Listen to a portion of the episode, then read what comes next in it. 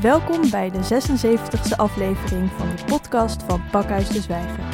Mijn naam is Aniek van Rinsum en vandaag spreek ik met architect en directeur Caribisch Gebied bij OZ Architect, Liongo Juliana. Hallo. Hoi. Nou, leuk dat je er bent. Ja, leuk om hier te zijn. Wat betekent architectuur voor jou? Oh, architectuur is, ja, dat is mijn, het is mijn vak. Het is, en, en daarin mijn leven. Wat mijn uh, naaste omgeving tegen mij zegt, is dat ik alles bijna op architectuur kan betrekken. Dus dan zie ik iets op het nieuws en dan heb ik weer een relatie tot de architectuur. Dus um, ja, ik, ik vind het een heel mooi vak en ook een, een voorrecht dat ik uh, een kleine bijdrage kan leveren aan hoe de gebouwde omgeving eruit ziet. Um, en ik zie dat ook als een, als een stuk verantwoordelijkheid die, die ik heb. Dus het gaat niet alleen om uh, de leuke, uh, leuke projecten, maar ook om meer complexe projecten. projecten die een relatie hebben met de, met de maatschappij, socia een sociale tak hebben. Dat, dat vind ik. ik moet zeggen dat, dat ik. Ik vind, ik vind al mijn ontwerpwerk vind ik leuk en interessant. Maar er zit een extra, iets extra's aan als ik iets wat een sociale, uh, ook, ook een sociale impact heeft. Dus bijvoorbeeld als ik aan een ziekenhuis werk of aan sociale woningbouw, uh, vind ik dat toch, uh, ja, dat geeft een extra kick als, je, als het lukt. of aan een school, ehm, dat soort dingen. maar ik werk ook aan villa's en dat doe ik met, met evenveel overgave. Ja. Leuk. En kan je een voorbeeld noemen dan van zo'n nieuwsitem waarvan andere mensen misschien niet aan architectuur zouden denken en jij dan dat wel vanuit die hoek ziet? Oeh, dat is een, dat is een pittige vraag. Um, um, even kijken, iets, iets recents. Nou, um, kijk, eh, heel veel van wat er nu, wat er nu rondom uh, corona gebeurt, uh, heeft natuurlijk invloed. Ja, dat, dat, is, dat is niet, denk ik, niet alleen ik zie dat, maar heeft invloed op onze gebouwde omgeving of kan invloed hebben. Um, en dat, dat is bijvoorbeeld iets, hè, bijvoorbeeld uh, het, de anderhalve meter maatschappij. Ja, als ik dat hoor, dan krijg ik de kriebels. Want um, kijk, wij bestaan als mens al heel veel langer dan corona. Mm -hmm. En zullen ook heel veel langer daarna uh, uh, bestaan. Um, en als je kijkt naar onze gebouwde omgeving, die is veel weerbarstiger. Die, die blijft veel langer staan, hè, minimaal 50 jaar. maar is, vaak veel langer. Mm -hmm. en als uh, dan is mijn, meteen mijn vraag van ja, als de gebouwen hebben, bijvoorbeeld het centrum van Amsterdam, al, al eeuwen gefunctioneerd heeft door pandemieën, epidemieën en allerlei andere veranderingen uh, en, andere uh, bedreigingen heeft gefunctioneerd, waarom zou die nu niet meer kunnen functioneren? Ja, er zullen aanpassingen moeten komen, mogelijk, in, of moeten komen in onze gedachten, niet mogen, die zullen moeten komen. Maar um, ik, ik zie dit ook als een tussenfase. Ik zie het ook wel als een kans om, om uh, dingen te verbeteren. Maar dus uh, het, het, gaat erom dat je continu uh, kijkt eigenlijk wat gebeurt er in de maatschappij. Wat betekent dat in de maatschappij? Hè? Ik bedoel, dan kijk je. ik, ik, was donderdag even naar Nieuwe Meer aan het eind van de middag. En toen ik, ik kreeg spontaan de slappe lach door de hoeveelheid mensen die ik zag. Ja. Um, en dan dacht ik, ja, um, ja, wij mensen, wij, wij hebben uh, heel veel andere behoeftes dan alleen uh, de behoefte van een bepaalde veiligheid. Uh, daar, daar, daar, zit een, een limiet aan. En, en dan, ja, dus dat soort dingen die. die ik ben dan daar voor mijn eigen ontspanning, maar ook gewoon omdat ik heel nieuwsgierig ben naar het gedrag van mensen. dus ja. Ik weet niet of ik zo die vraag een beetje heb beantwoord. Nou ja, als jij dus als architect naar de anderhalve meter samenleving kijkt, wat zou jij dan doen? Want je zegt aan de ene kant dat je het idee hebt dat de stad Amsterdam bijvoorbeeld al heel lang op deze manier functioneert. Dus daar haal ik een beetje uit dat je eigenlijk denkt, we moeten niets veranderen. Maar je zegt ook, er moeten toch wel aanpassingen gebeuren. Dus wat, wat is jouw idee als jij het zou mogen vormgeven nu? Ja, die tegenstrijdigheid. Het, er zit een, een, in, en dat is vaak met architectuur. Hè. Um, architectuur is in die zin geen wiskunde. Of, of uh, um, soms, het gaat om het oplossen soms van tegenstrijdigheden. Wat, wat in deze heel belangrijk is, is dat je kijkt naar de, de basis van de mens. Wat heeft de mens als, als behoefte nodig? Dat, vind, dat is heel belangrijk. Dat vind ik sowieso in het vak heel belangrijk. Maar ook um, um, ik, ik vind dat je als, als wetenschapper, als, als, uh, uh, in, in, in zo'n situatie, uh, de plicht hebt eigenlijk om, om de rust te behouden. Dus om heel goed na te denken van wat is er nou echt aan de hand en waar moet ik mijn energie in stoppen in plaats van meteen achter van alles aan te gaan rennen, maar gewoon even, even pas op de plaats nadenken wat speelt er nu echt en wat, wat kan ik vanuit mijn vakgebied daaraan doen. Waar dit me aan doet denken, de, de, de, zeggen, de crisissituatie waar ik eerder in heb, heb gewerkt, dat is uh, aan het begin van mijn carrière na het voorbijrazen van een orkaan uh, in, op Sint Maarten. Um, ik, ik, ben vijf weken nadat die orkaan voorbij was ge, uh, geraasd, ben ik daar gaan werken. En toen was er ook paniek. Hè, 80% van de huizen verwoest of met, met, met, zware schade. Um, mensen geen werk, toerisme ligt plat, noem maar op. Dan is er paniek, logisch. En wat ik toen ben gaan doen is gaan kijken welke gebouwen zijn wel blijven staan. En waarom zijn die blijven? En dan zie je dat oude huisjes uh, zijn blijven staan. En die hebben vaak een kleine dakoppervlak en een steile helling van het dak. Um, maar ik ben ook gaan nadenken, dacht ik ineens van ja, maar een orkaan heeft windsnelheden van 250 km per uur. Maar een vliegtuig vliegt met 1000 km per uur. Dus wij hebben allang de techniek om platen te bevestigen op een manier dat die 1000 km per uur kunnen weerstaan. Dus die orkaan is peanuts, even tussen haakjes. dus, en, en, en het gaat om, om die mindset, van niet uh, achter alles aanrennen, maar gewoon even van oké, wat, wat gebeurt hier? Wat is er in het verleden uh, gebeurd met een, een, vergelijkbare impact en wat kan ik daaruit leren? En hoe kan ik bestaande technieken en misschien nieuwe technieken inzetten om de werkelijke, het werkelijke probleem op te lossen? Ja, dus dat je uitkijkt dat je niet doodstaart op één gegeven, zoals bijvoorbeeld nu met de, deze pandemie, dat niet alleen de veiligheid uh, een belangrijk ding is en dat je daarop gaat doodstaren, maar dat ook mensen dus vrijheid willen. En... Ja, het gevaar, het gevaar in dit soort uh, momenten, en sowieso is, vind ik dat, uh, is, is dat het een, eendimensionaal denken. Uh, wat, eh, bedoel, uh, vroeger als we naar een film keken, dan had je de goede en de slechte. Maar het leven is veel complexer. Um, het leven is niet alleen gezondheid, het leven is niet alleen veiligheid, maar het leven is ook economie. Maar het leven is ook niet alleen economie. Um, um, kijk, ik heb veel contact gehad ook buiten Nederland, Latijns-Amerika, Caribisch gebied. De grootste zorgen daar zijn niet de gezondheid. De grootste zorg daar is, is eten heb ik, heb ik morgen nog te eten? Uh, um, en en um, ja, dat, dat is de grootste zorg die men heeft ten gevolge van uh, alle, alle maatregelen die, die genomen zijn in verband met, uh, met de corona. Dus um, ja, het, het, het, is denk ik heel belangrijk dat je, dat je ja, blij, blijft kijken naar, naar alle lagen van, van, van de opdracht die je hebt als ontwerper. En als we dan weer teruggaan naar het voorbeeld van de coronacrisis in Amsterdam, hoe zorg jij er dan voor dat je verschillende aspecten en die complexheid in acht houdt? Door gesprekken te voeren. Uh, het is soms ook goed om te kijken uh, buiten je grenzen. Ja, dat doe ik vanuit mijn werk uh, automatisch. En ook om je niet blind te staren op die 17 miljoen mensen waarmee wij hier wonen. Maar het zijn er 7 plus miljard in de wereld. En um, heb ik een verantwoordelijkheid om te zorgen dat ik het goed heb, als 17 miljoen?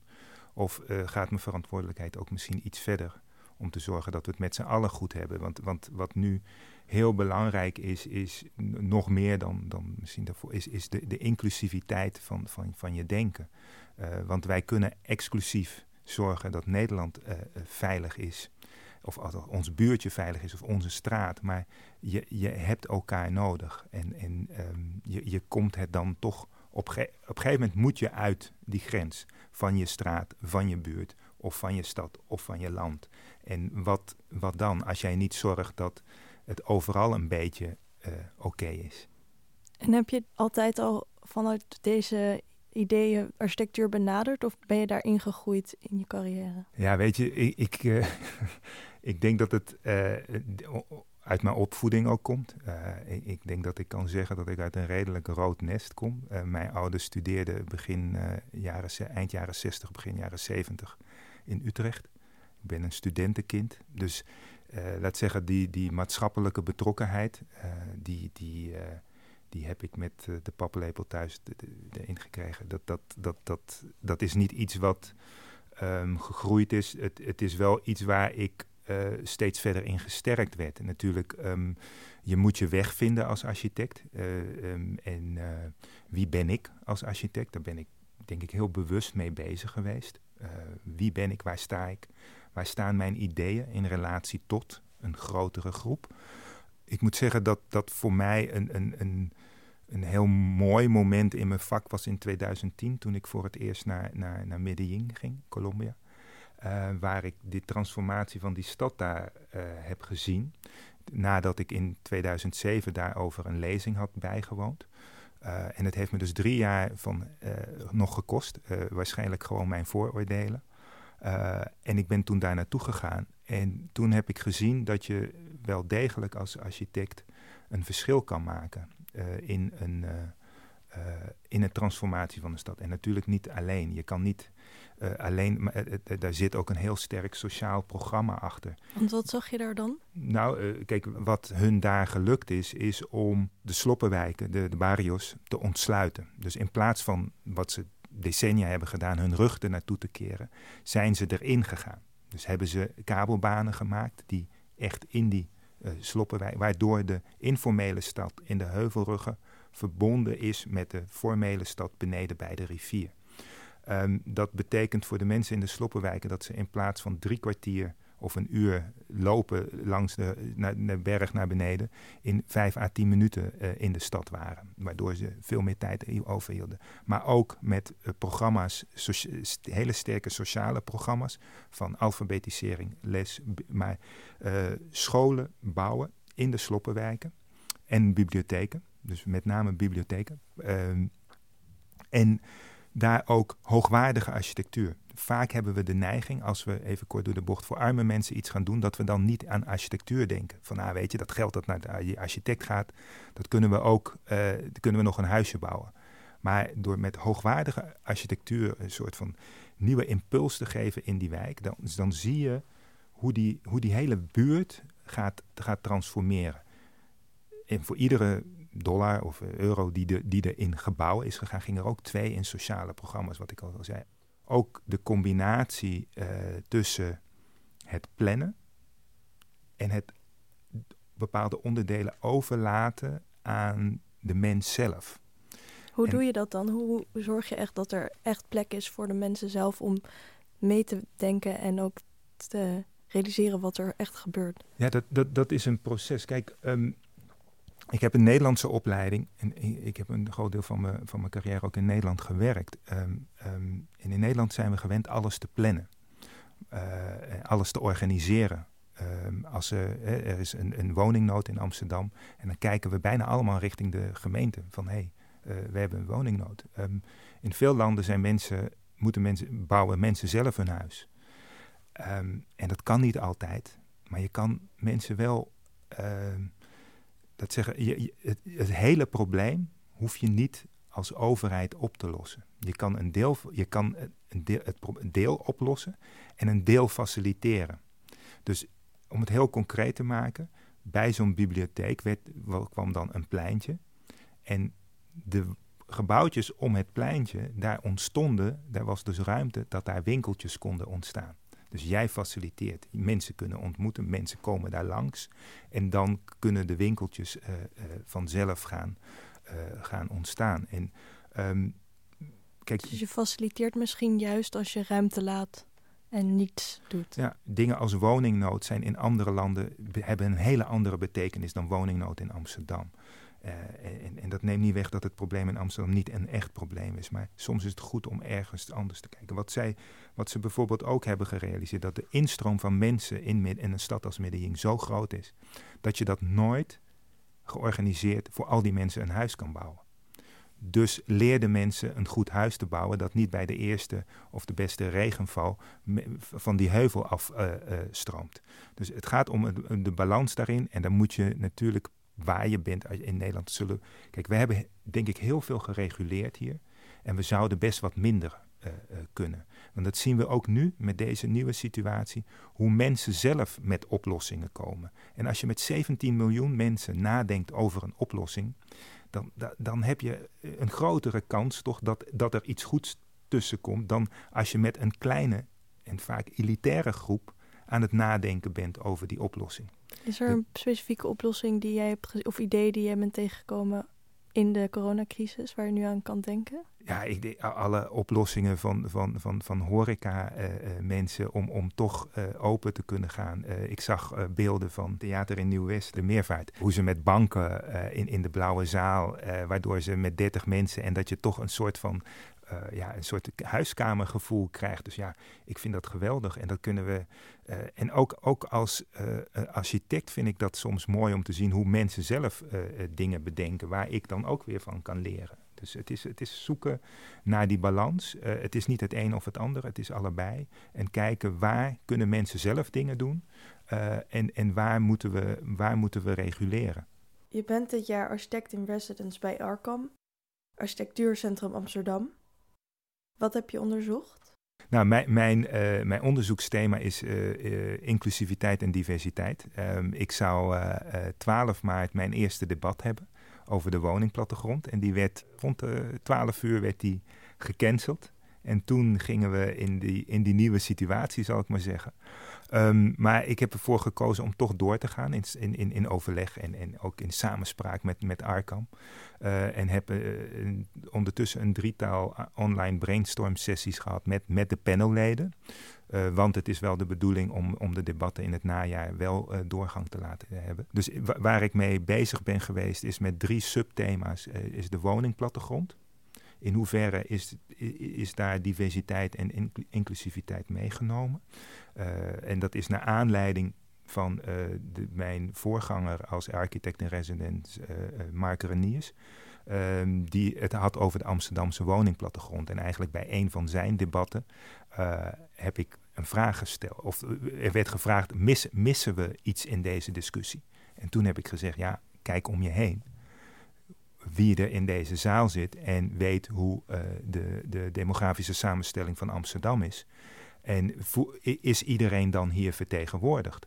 En dat, dat geldt, niet alleen voor dat moment, maar dat geldt voor de, de, de, de architectuur, de bouwwereld in zijn geheel. Die, die is uh, vrij wit, als ik dat zo mag zeggen. Die, die, de, en, en ik denk dat het voor ehm, voor de gebouwde omgeving heel belangrijk is, is dat je weet voor wie je aan het bouwen bent. Uh, en ik en zeg weten niet, architecten dat?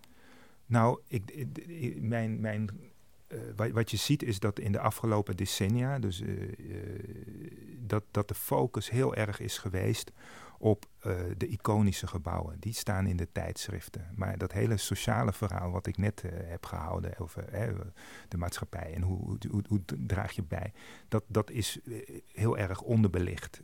Um, terwijl aan het, bijvoorbeeld aan het begin van het modernisme, uh, aan het begin van de 20e eeuw, kwamen de toparchitecten van de wereld bij elkaar om over sociale uh, uitdagingen van de maatschappij te praten. Over woningnood.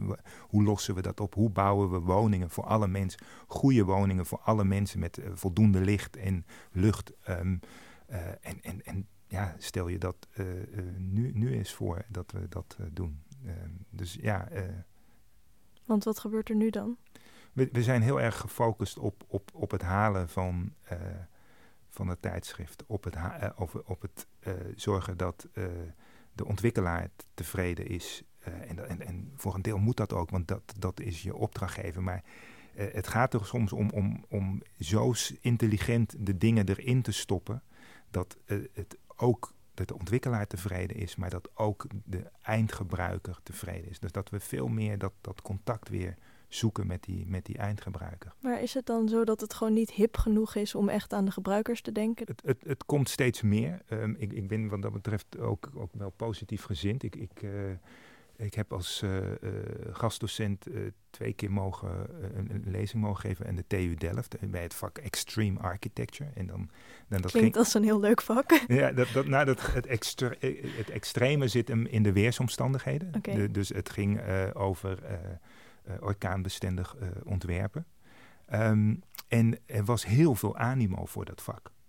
Uh, dus de maatschappelijke relevantie, heb ik me laten vertellen dat dat voor jonge mensen, dat zeggen, weer veel belangrijker wordt. Van, hè, waar, waar, is, waar zet ik mij, waar, waar, waar, investeer ik mijn tijd in? Dat er een stukje toch dat, dus dus dat, dat geeft hoop dat, dat daar toch meer aandacht voor komt. Maar is dat ook voor sociale ongelijkheid zo? Of is dat vooral voor dus klimaatbestendig bouwen en op die manier maatschappelijk betrokken? Allebei. En die, die twee dingen zijn, zijn, zijn, zijn met elkaar verweven. Ja, die zijn heel erg met elkaar verweven ook.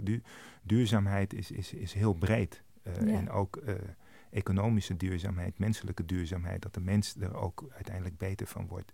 En niet nu alleen, maar ook uh, um, op, op een langere termijn. Ja. Want hoe zie jij dat? Het gaat uiteindelijk om het totale plaatje. Kijk, ik, ik kan uh, heel makkelijk uh, vuil scheiden. Uh, zeggen, ik, ik, kan een aantal dingen doen en dan, dan is mijn geweten gesust. Mm -hmm. ik scheid me vuil, ik, ik fiets zoveel mogelijk, ik uh, ik laat zonnepanelen plaatsen op mijn, op mijn huis. Ik zorg dat mijn huis goed geïsoleerd, et cetera. Maar uiteindelijk moet je naar het totale plaatje kijken. Waar kan ik het meeste impact hebben? Ik bedoel, um, wat, bijvoorbeeld, hè, even om het dicht bij huis te houden, onze, onze hele energieprestatienorm uh, is gebaseerd op de wintersituatie. Heel sterk op de wintersituatie. Hoe zorgen we dat we die warmte binnenhouden? Maar dan vergeten we de zomersituatie. En dan hebben we best warme zomers. En dan zetten we een airco neer. En dan een airco kost vijf keer zoveel energie. Dus kijk, we kunnen, wat ik net al zei, we kunnen ons focussen op 17 miljoen mensen. En zelfs binnen daar zie ik verbetermogelijkheden. Dus ook naar te kijken naar de zomersituatie.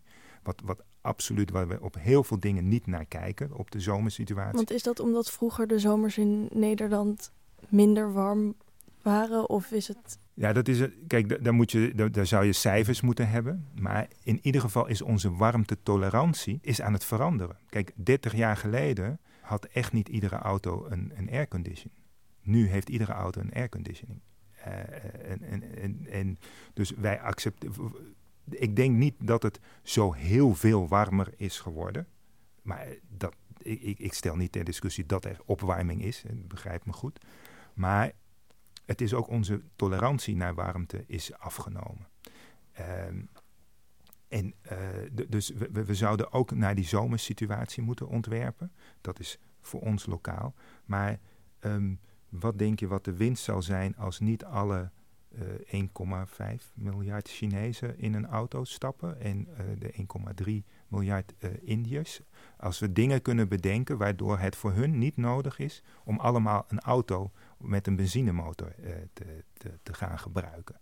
Uh, um, als, wij kunnen, als wij een bijdrage kunnen leveren, want, want bijvoorbeeld, dat is heel grappig, uh, kou heeft in tropische landen is het luxe. Luxe in de zin van hoe kouder het in een ruimte is, hoe, hoe, hoe, hoe luxer. Mm -hmm. Dus koelt men veel te koud. Okay. In kantoren, in huizen.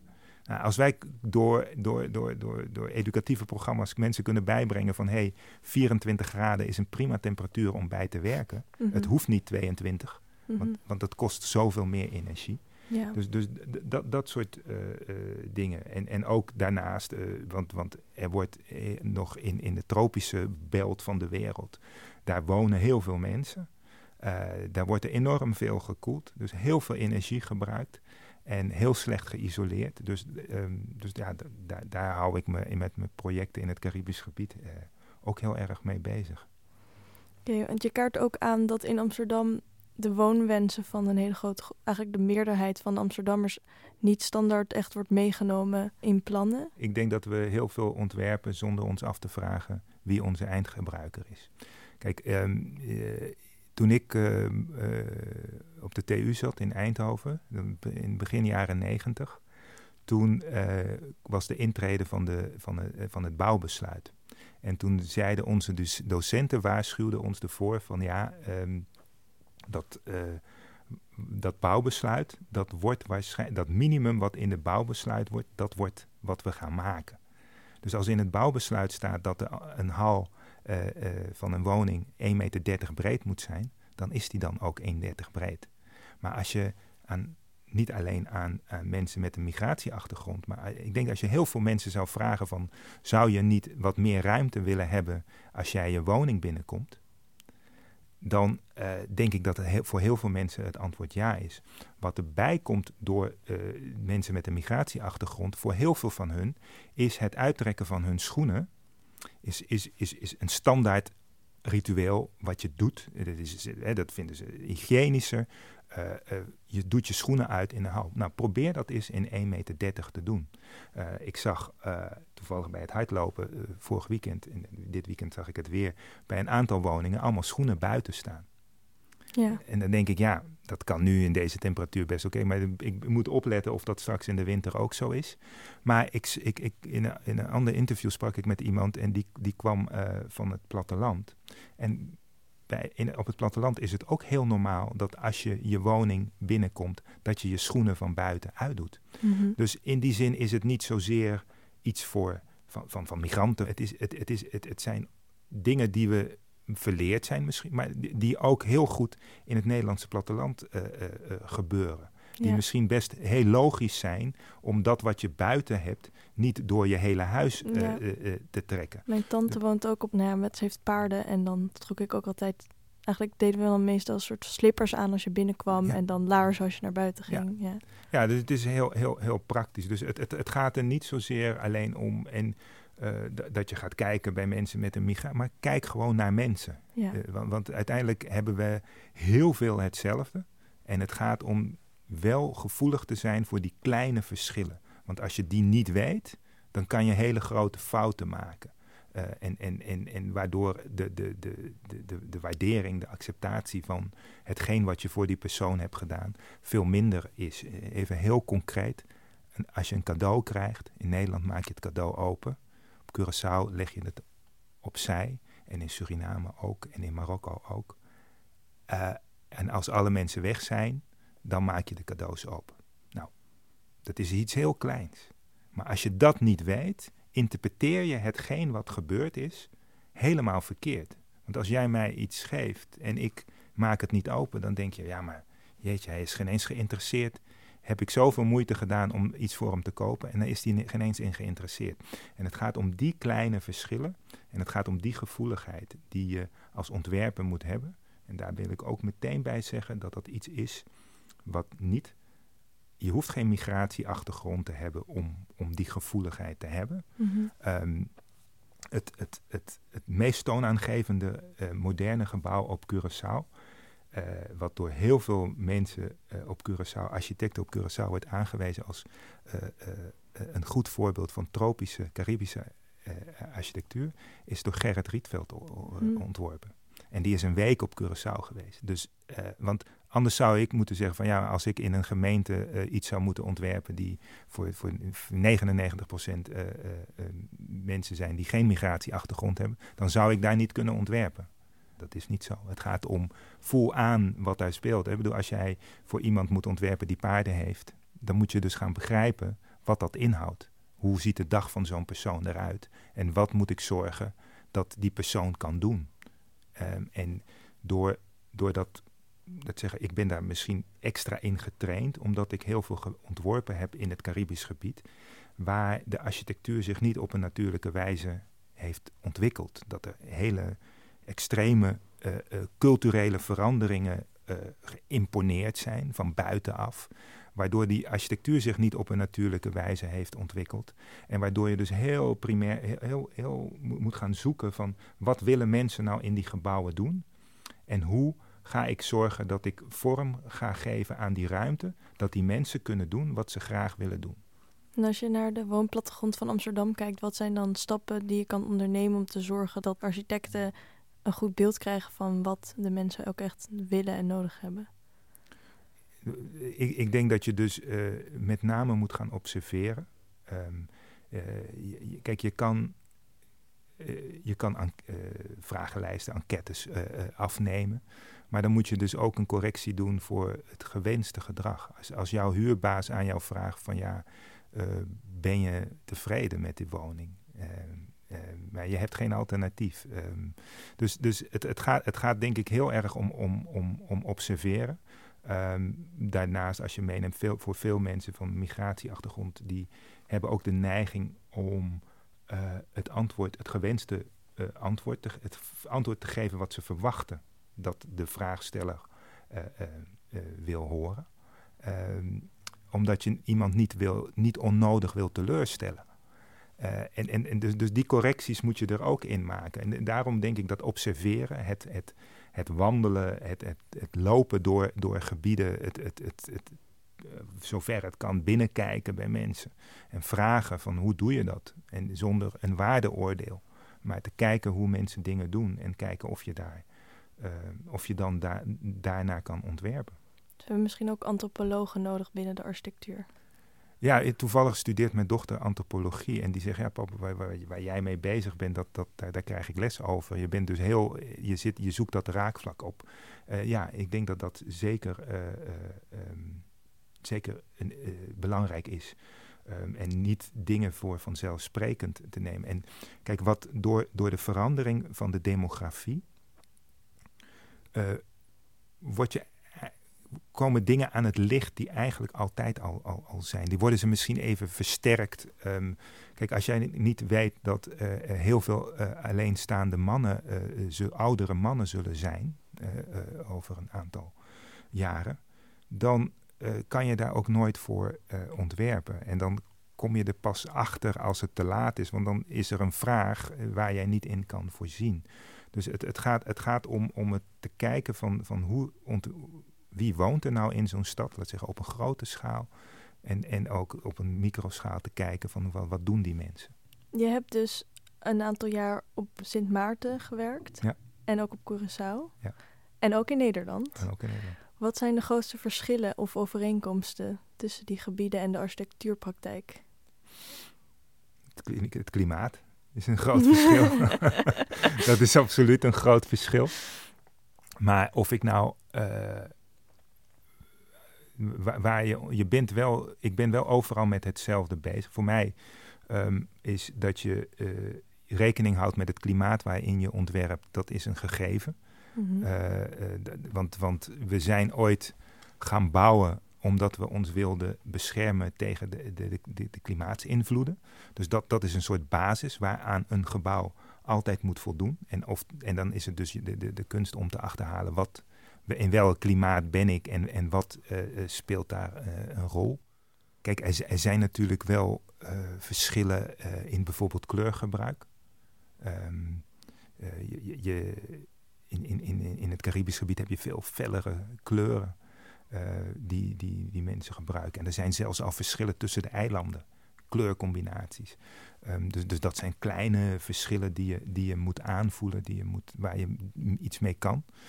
Um, maar, maar het, het, het, vak is, is heel veel hetzelfde. Um, uh, het, een gebouw voor elkaar krijgen is, is voor, een, voor een heel, deel, heel groot deel hetzelfde. Kijk, extra uitdagingen waar ik uh, in, in, in, in, kleine gemeenschappen mee te maken krijg, is dat um, bijvoorbeeld wij hebben in, november is het ziekenhuis van Curaçao opgeleverd, waar wij aan, uh, aan hebben gewerkt. Um, dat, dat, dat was na 150 jaar dat er een nieuw ziekenhuis gebouwd werd. Uh, uh, en dus, dus je hebt te maken met, met bijvoorbeeld, er is een ambtenaar die een bouwvergunning daarvoor moet afgeven. Maar die, die, die heeft niet eerder voor een ziekenhuis een bouwvergunning. En die kan ook niet even bij een naburige gemeente van... hé, hey, jullie hadden een aantal jaar geleden een ziekenhuis, hoe hebben jullie dat uh, gedaan? Dus, dus dat zijn eh, extra moeilijkheden. Je hebt ook uh, te maken met andere materialen, beschikbaarheid van materialen. Je hebt te maken met. Um, uh, de, dus alles bijna moet. Heel veel moet geïmporteerd worden. Bijna alles. Um, de, de, dus is vaak duur. Maar arbeidskracht is weer goedkoop. Dus als ik, als ik voor, voor, voor het Caribisch gebied detailleer, dan kan ik beter iets maken wat minder materiaal kost en meer, meer, meer arbeid, meer me menskracht. En als ik in Nederland ontwerp, moet ik het juist andersom doen, omdat die, die arbeidskrachten zo duur zijn. Dus dan kan ik beter uh, wat meer restmateriaal hebben. Maar dat is weer uh, qua duurzaamheid niet, niet, niet zo interessant, niet zo goed. Dus, uh, dus, dus dat zijn wel verschillen. En ook de, de, de, de vakmanschap is, is, is, is anders, is vaak toch iets minder op, op, de, op de eilanden. En daar moet je dan rekening mee houden. Kijk, je kan iets heel prachtigs ontwerpen, maar als ze het niet kunnen maken, dan wordt het nooit zo mooi zoals je het bedacht hebt. Dus het is, het is eh, zoeken. Eh, ik, ik spreek vaak bouwvakkers ook gewoon van: hey, hoe, hoe, hoe, kan, kan, dit gemaakt worden? Hoe kan het? Wat kan wel, wat kan niet? Uh, wat, en, en op die manier in, in samenspraak tot, tot details komen. Maar dat, dat, doe ik, dat, dat deed ik, doe ik in Nederland ook. Ik vind het altijd leuk om naar een, een, een, fabriek te gaan waar, waar de dingen gemaakt worden. Om te, om te zien hoe, hoe dat gebeurt en om van daaruit dan de oplossing te zoeken. Maar is dat in Nederland uh, minder gebruikelijk dat architecten dus met mensen die bouwen gaan praten van hoe, hoe kan dit en op welke manier kan het, het? Het vak is veel verder doorgespecialiseerd dat we vaak uh, op de bouw alleen nog esthetische controle hebben. Um, maar ja, ik, ik kan niet voor anderen spreken. Ik weet hoe ik, hoe ik het zelf doe. Mm -hmm. um, um, ik, ik, ik merk wel dat, dat zeggen dat dat wel iets is wat ik uh, op kantoor ook heel erg probeer bij te brengen. Van hé, hey, uh, zorg dat je op die bouw komt. Zie hoe het gemaakt wordt. Want dan blijf je een partij in een, in een kracht waarbij wij als ontwerpers steeds vroeger uit het proces gegooid uh, worden. Is het natuurlijk, als jij veel weet van, van hoe de uitvoering werkt, hoe dingen gemaakt worden, en, en dat heb ik um, onder andere recent met dat ziekenhuis ook ervaren. Dat, eh, vanochtend was ik bezig met een wijziging die uh, aan de techniekruimte aangebracht moest worden. Ja, die aannemer kan ook zeggen van ja, weet je, die architect die maakt het alleen maar moeilijk. Maar die betrekt mij dus na acht jaar nog steeds erbij. In een fase waar die dat geen eens meer hoeft te doen. Maar dat is omdat ik heb laten zien van hé, hey, ik, ik denk met je mee. Ik, ik kijk naar mijn vak. Doe dat zo goed mogelijk. Maar probeer ook te begrijpen wat jouw vak is. Zodat uh, het voor uh, een, een, goede prijs je een goed product uh, kan krijgen.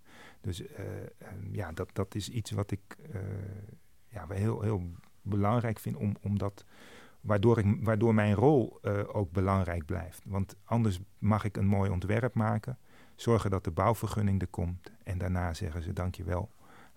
En dan is het maar afwachten hoe het eruit komt te zien. Want het gaat juist om die kleine aansluitingen, uh, om die goed te hebben. Dus om die uitzonderingen. Kijk, dat, dat, wat repeteert is makkelijk. Maar daar waar je de hoek om moet gaan, daar waar je een restmaat hebt, hoe los je dat op? En ja. Het is heel waardevol als je daar goed met elkaar in gesprek over kan blijven gaan. Je doet het samen.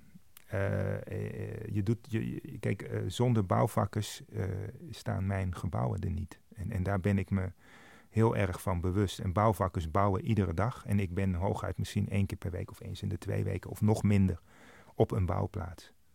En de, dus je kan van elkaar leren. En door mensen uit te leggen waarom je iets wil, misschien begrijpen ze het nog niet, maar dan denken ze in ieder geval: er is één gek die dit op deze manier wil en daarom moet ik het zo maken. Je hebt het Office for Progressive Architecture opgericht, ja. OPA, ja. met een knipoog naar het in 1975 door Rem Koolhaas opgerichte OMA. Office of Metropolitan Architecture. Um, kan je wat meer over OPA vertellen? Ja, je ik, ik moest in, in, volgens mij was het 96, moest ik een naam bedenken. Ja. En dan, dan belt de notaris je op van ja, uh, welke naam wil je aan je bureau geven? En toen dacht ik van nou, dan doe ik dit. Um, en, en, en, ja, dan weet je, nu ben je uh, meer dan twintig jaar verder. En uh, ja, het staat er nog steeds. Um, ik, ik moet zeggen wel dat ik op, op de eilanden dus op een gegeven moment als Liongo Architecture ben gaan werken. Omdat het, ik merkte dat het heel altijd persoonlijk is. Dat je op naam eigenlijk werk kreeg. Um, dus ja, dat was, dat was inderdaad een kniphoog en zoiets van, ja, als er een oma is, dan moet er biologisch moet er een opa zijn. Dus daar heb ik even een bijdrage voor aangeleverd. Ja, het is wel echt heel leuk gevonden. en ook nog, het, het, staat ook nog ergens voor, die afkorting. Dus dat is ja, ja, ja, ja, ja, het was niet alleen uh, een knipoog naar, uh, en, naar oma. Ja, maar de, de, ja, ik, ik had zoiets van, ja, dat, dat moet gewoon. Dus, ja, leuk. Um, in 2004 ben je als docent gaan werken aan de Universiteit van de Nederlandse Antillen, Antillen op Curaçao. Ja. Um, wat maakte in eerste instantie dat je die beslissing maakte? Um, uh, ik, uh, ik, ik, werkte toen in, in, in Amsterdam. Uh, en ik, dus ik had de eerste drie jaar op Sint Maarten gewerkt. Toen daarna ben ik teruggegaan naar Amsterdam. en toen ging ik nog drie tot vier keer per jaar naar de eilanden. Omdat ik daar nog projecten had. dat deed ik dus in mijn vakantiedagen. Um, was vaak een combinatie vakantie en werken. En toen zei mijn vrouw van ja, waarom zullen we niet een tijdje op Curaçao gaan wonen? en toen zei ik ja, maar wat ga ik doen? Ik werkte bij een groot architectenbureau in Amsterdam. En ik had al de ervaring van Sint Maarten. Ik dacht, ja, bij een bureau werken op de eilanden, dat, dat, dat, dat gaat hem niet worden. Ehm, eh, en toen ben ik, uh, tijdens zo'n vakantie heb ik mijn stoute schoenen aangetrokken en ben ik bij de universiteit gaan praten. Ik dacht van, nou, dan kan ik misschien wat lessen geven en dan ondertussen mijn bureau wat opbouwen of ergens nog bij een bureau wat werk doen en zo genoeg inkomsten genereren. En zo, en zo is het ontstaan. Toen werd mij een baan aangeboden, fulltime. En zei ja, maar ik ben architect, ik ben geen docent. Ehm, eh, goed, toen, duurde het nog anderhalf jaar. Uh, en toen ineens belden ze, volgens mij was het mei, of ik in augustus wilde komen. Ik zeg, nee, dat gaat me niet lukken. En toen ben ik per 1 januari 2005 inderdaad begonnen met lesgeven. Um, en dus 32 uur per week. En dan die andere dag, maar dat zijn er dan meer. Ja. De rest van de tijd een bureau opbouwen. En na 3,5 jaar kon ik het omdraaien. Dus ja, zo, zo, zo, is dat eigenlijk gegaan. En ik heb eh, wel uit mijn studententijd al, ehm, leek mij het lesgeven heel leuk. En dat vind ik ook nog steeds heel leuk om, om, om les te geven. Um, Want wat heeft jouw docentschap jou gegeven als architect? Uh, heel veel. Uh, heel veel om uh, dingen in de communicatie. Hoe breng je, hoe breng je het? Want ik gaf met name ontwerpvakken hoe breng je het over? Maar, en ook hoe analyseer je een ontwerp? Dus een, een, een ontwerp van een ander analyseren en kijken waar je die persoon uh, kan helpen. En ook de persoon analyseren. Want je moet uh, soms ook advies geven, of vaak moesten we ook advies geven over een student van ja, welke afstudeerrichting uh, geef je, neem je. En, en, en um, dus, dus dat, dat, ik moest er laatst aan. Ik heb, ik heb denk ik, ik heb ruim 40 afstudeerders gehad. Um, en en ik, er zijn zo'n 300 studenten bij mij voorbij gegaan die ik, die ik korter of langer in mijn vak heb gehad. Uh, en, en daar leer je enorm veel van. In, in, uh, want ik vind het mijn taak als docent om te vinden hoe ik iemand raak. Dus niet van, ja, hij begrijpt het niet of uh, doet ze. Nee, hoe, hoe, hoe maak ik die connectie? en hoe zorg ik dat het maximale uit die persoon komt?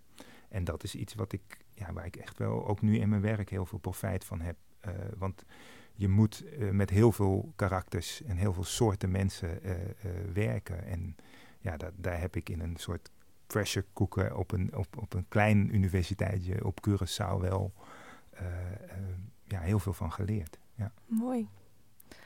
Um, wat zijn de stappen die jij neemt voor je achter de tekentafel gaat zitten? Een figuurlijke tekentafel. We hebben er nog maar één staan op kantoor, dus ik heb wel heel... Maar ik snap de vraag. Uh, geef me even tijd om na te denken. Uh, nee, het, ik, ik, ik ben iemand die eerst heel veel gaat uitzoeken, gaat lezen. Um, ik vind het ook altijd heel fijn als ik weet dat ik een opdracht heb en dat ik er niet meteen aan moet werken. Dus dat ik e-, even een paar weken heb waardoor het kan gaan broeien, borrelen, doen in mijn hoofd. Uh, en dan, uh, ja, dus, dus ik, ik, ik ben in, in ook de historische analyse vind ik altijd heel belangrijk. De, wat, wat, wat heeft hiervoor daar gestaan? Hoe, hoe heeft dat gebied zich ontwikkeld in de afgelopen eeuwen? Door oude kaarten op te zoeken en te kijken van, van wat, wat gebeurde er op die plek. Dat geeft je informatie hoe, hoe, hoe dat zich ontwikkelt, maar ook hele basale informatie als hoe de bodemgesteldheid is. Ik bedoel, als het water was vroeger, dan weet je van oké, okay, uh, daar moet ik zeker iets uh, voor de fundering, iets mm -hmm. bijzonders gaan doen. Um, en ook de ruimtelijke analyse. Wat is er al? ik, ik, probeer altijd vanuit, of ik, ik, ik, ontwerp altijd vanuit de context. Welke context is er? Wat, wat, wat staat daar? en dat kan, de context kan een stuk stad zijn, maar het kan ook natuur zijn. Um, uh, hoe ziet die natuur eruit? Wat zijn de kwaliteiten die daar zijn? Waar staan grote bomen? Kan ik, uh, kan ik daar omheen werken? Um, um, dus, dat, dat, dus altijd vanuit wat is er al? wat is er voor mij geweest? Want ik besef me al te goed dat er na mij ook heel veel komt. Dus ik, ik, ik zit er even tussen. En hoe zorg ik dat dat geheel in harmonie blijft? Je stelt dat je in Nederland hebt verzet tegen allerlei onzinnige regels. Klopt dat nog steeds? Uh, ja, ik heb, ik heb moeite met regels die, die, ja, waar ik niet begrijp waarvoor ze zijn of die tegenstrijdig zijn. En we hebben het in het begin van het gesprek hadden, gehad over één, eendimensionaliteit. En soms uh, uh, zijn regels heel erg eendimensionaal. Die kijken alleen naar dat specifieke moment. Laat zeggen, want, want hier, hier schop ik, laat zeggen, even kort door de bocht tegen de regels. Maar uh, in het Caribisch gebied vraag ik er soms om dat, dat er wat meer regels zijn. Mhm. Dus dit is, ik, ik zie wel dat je dingen moet reguleren.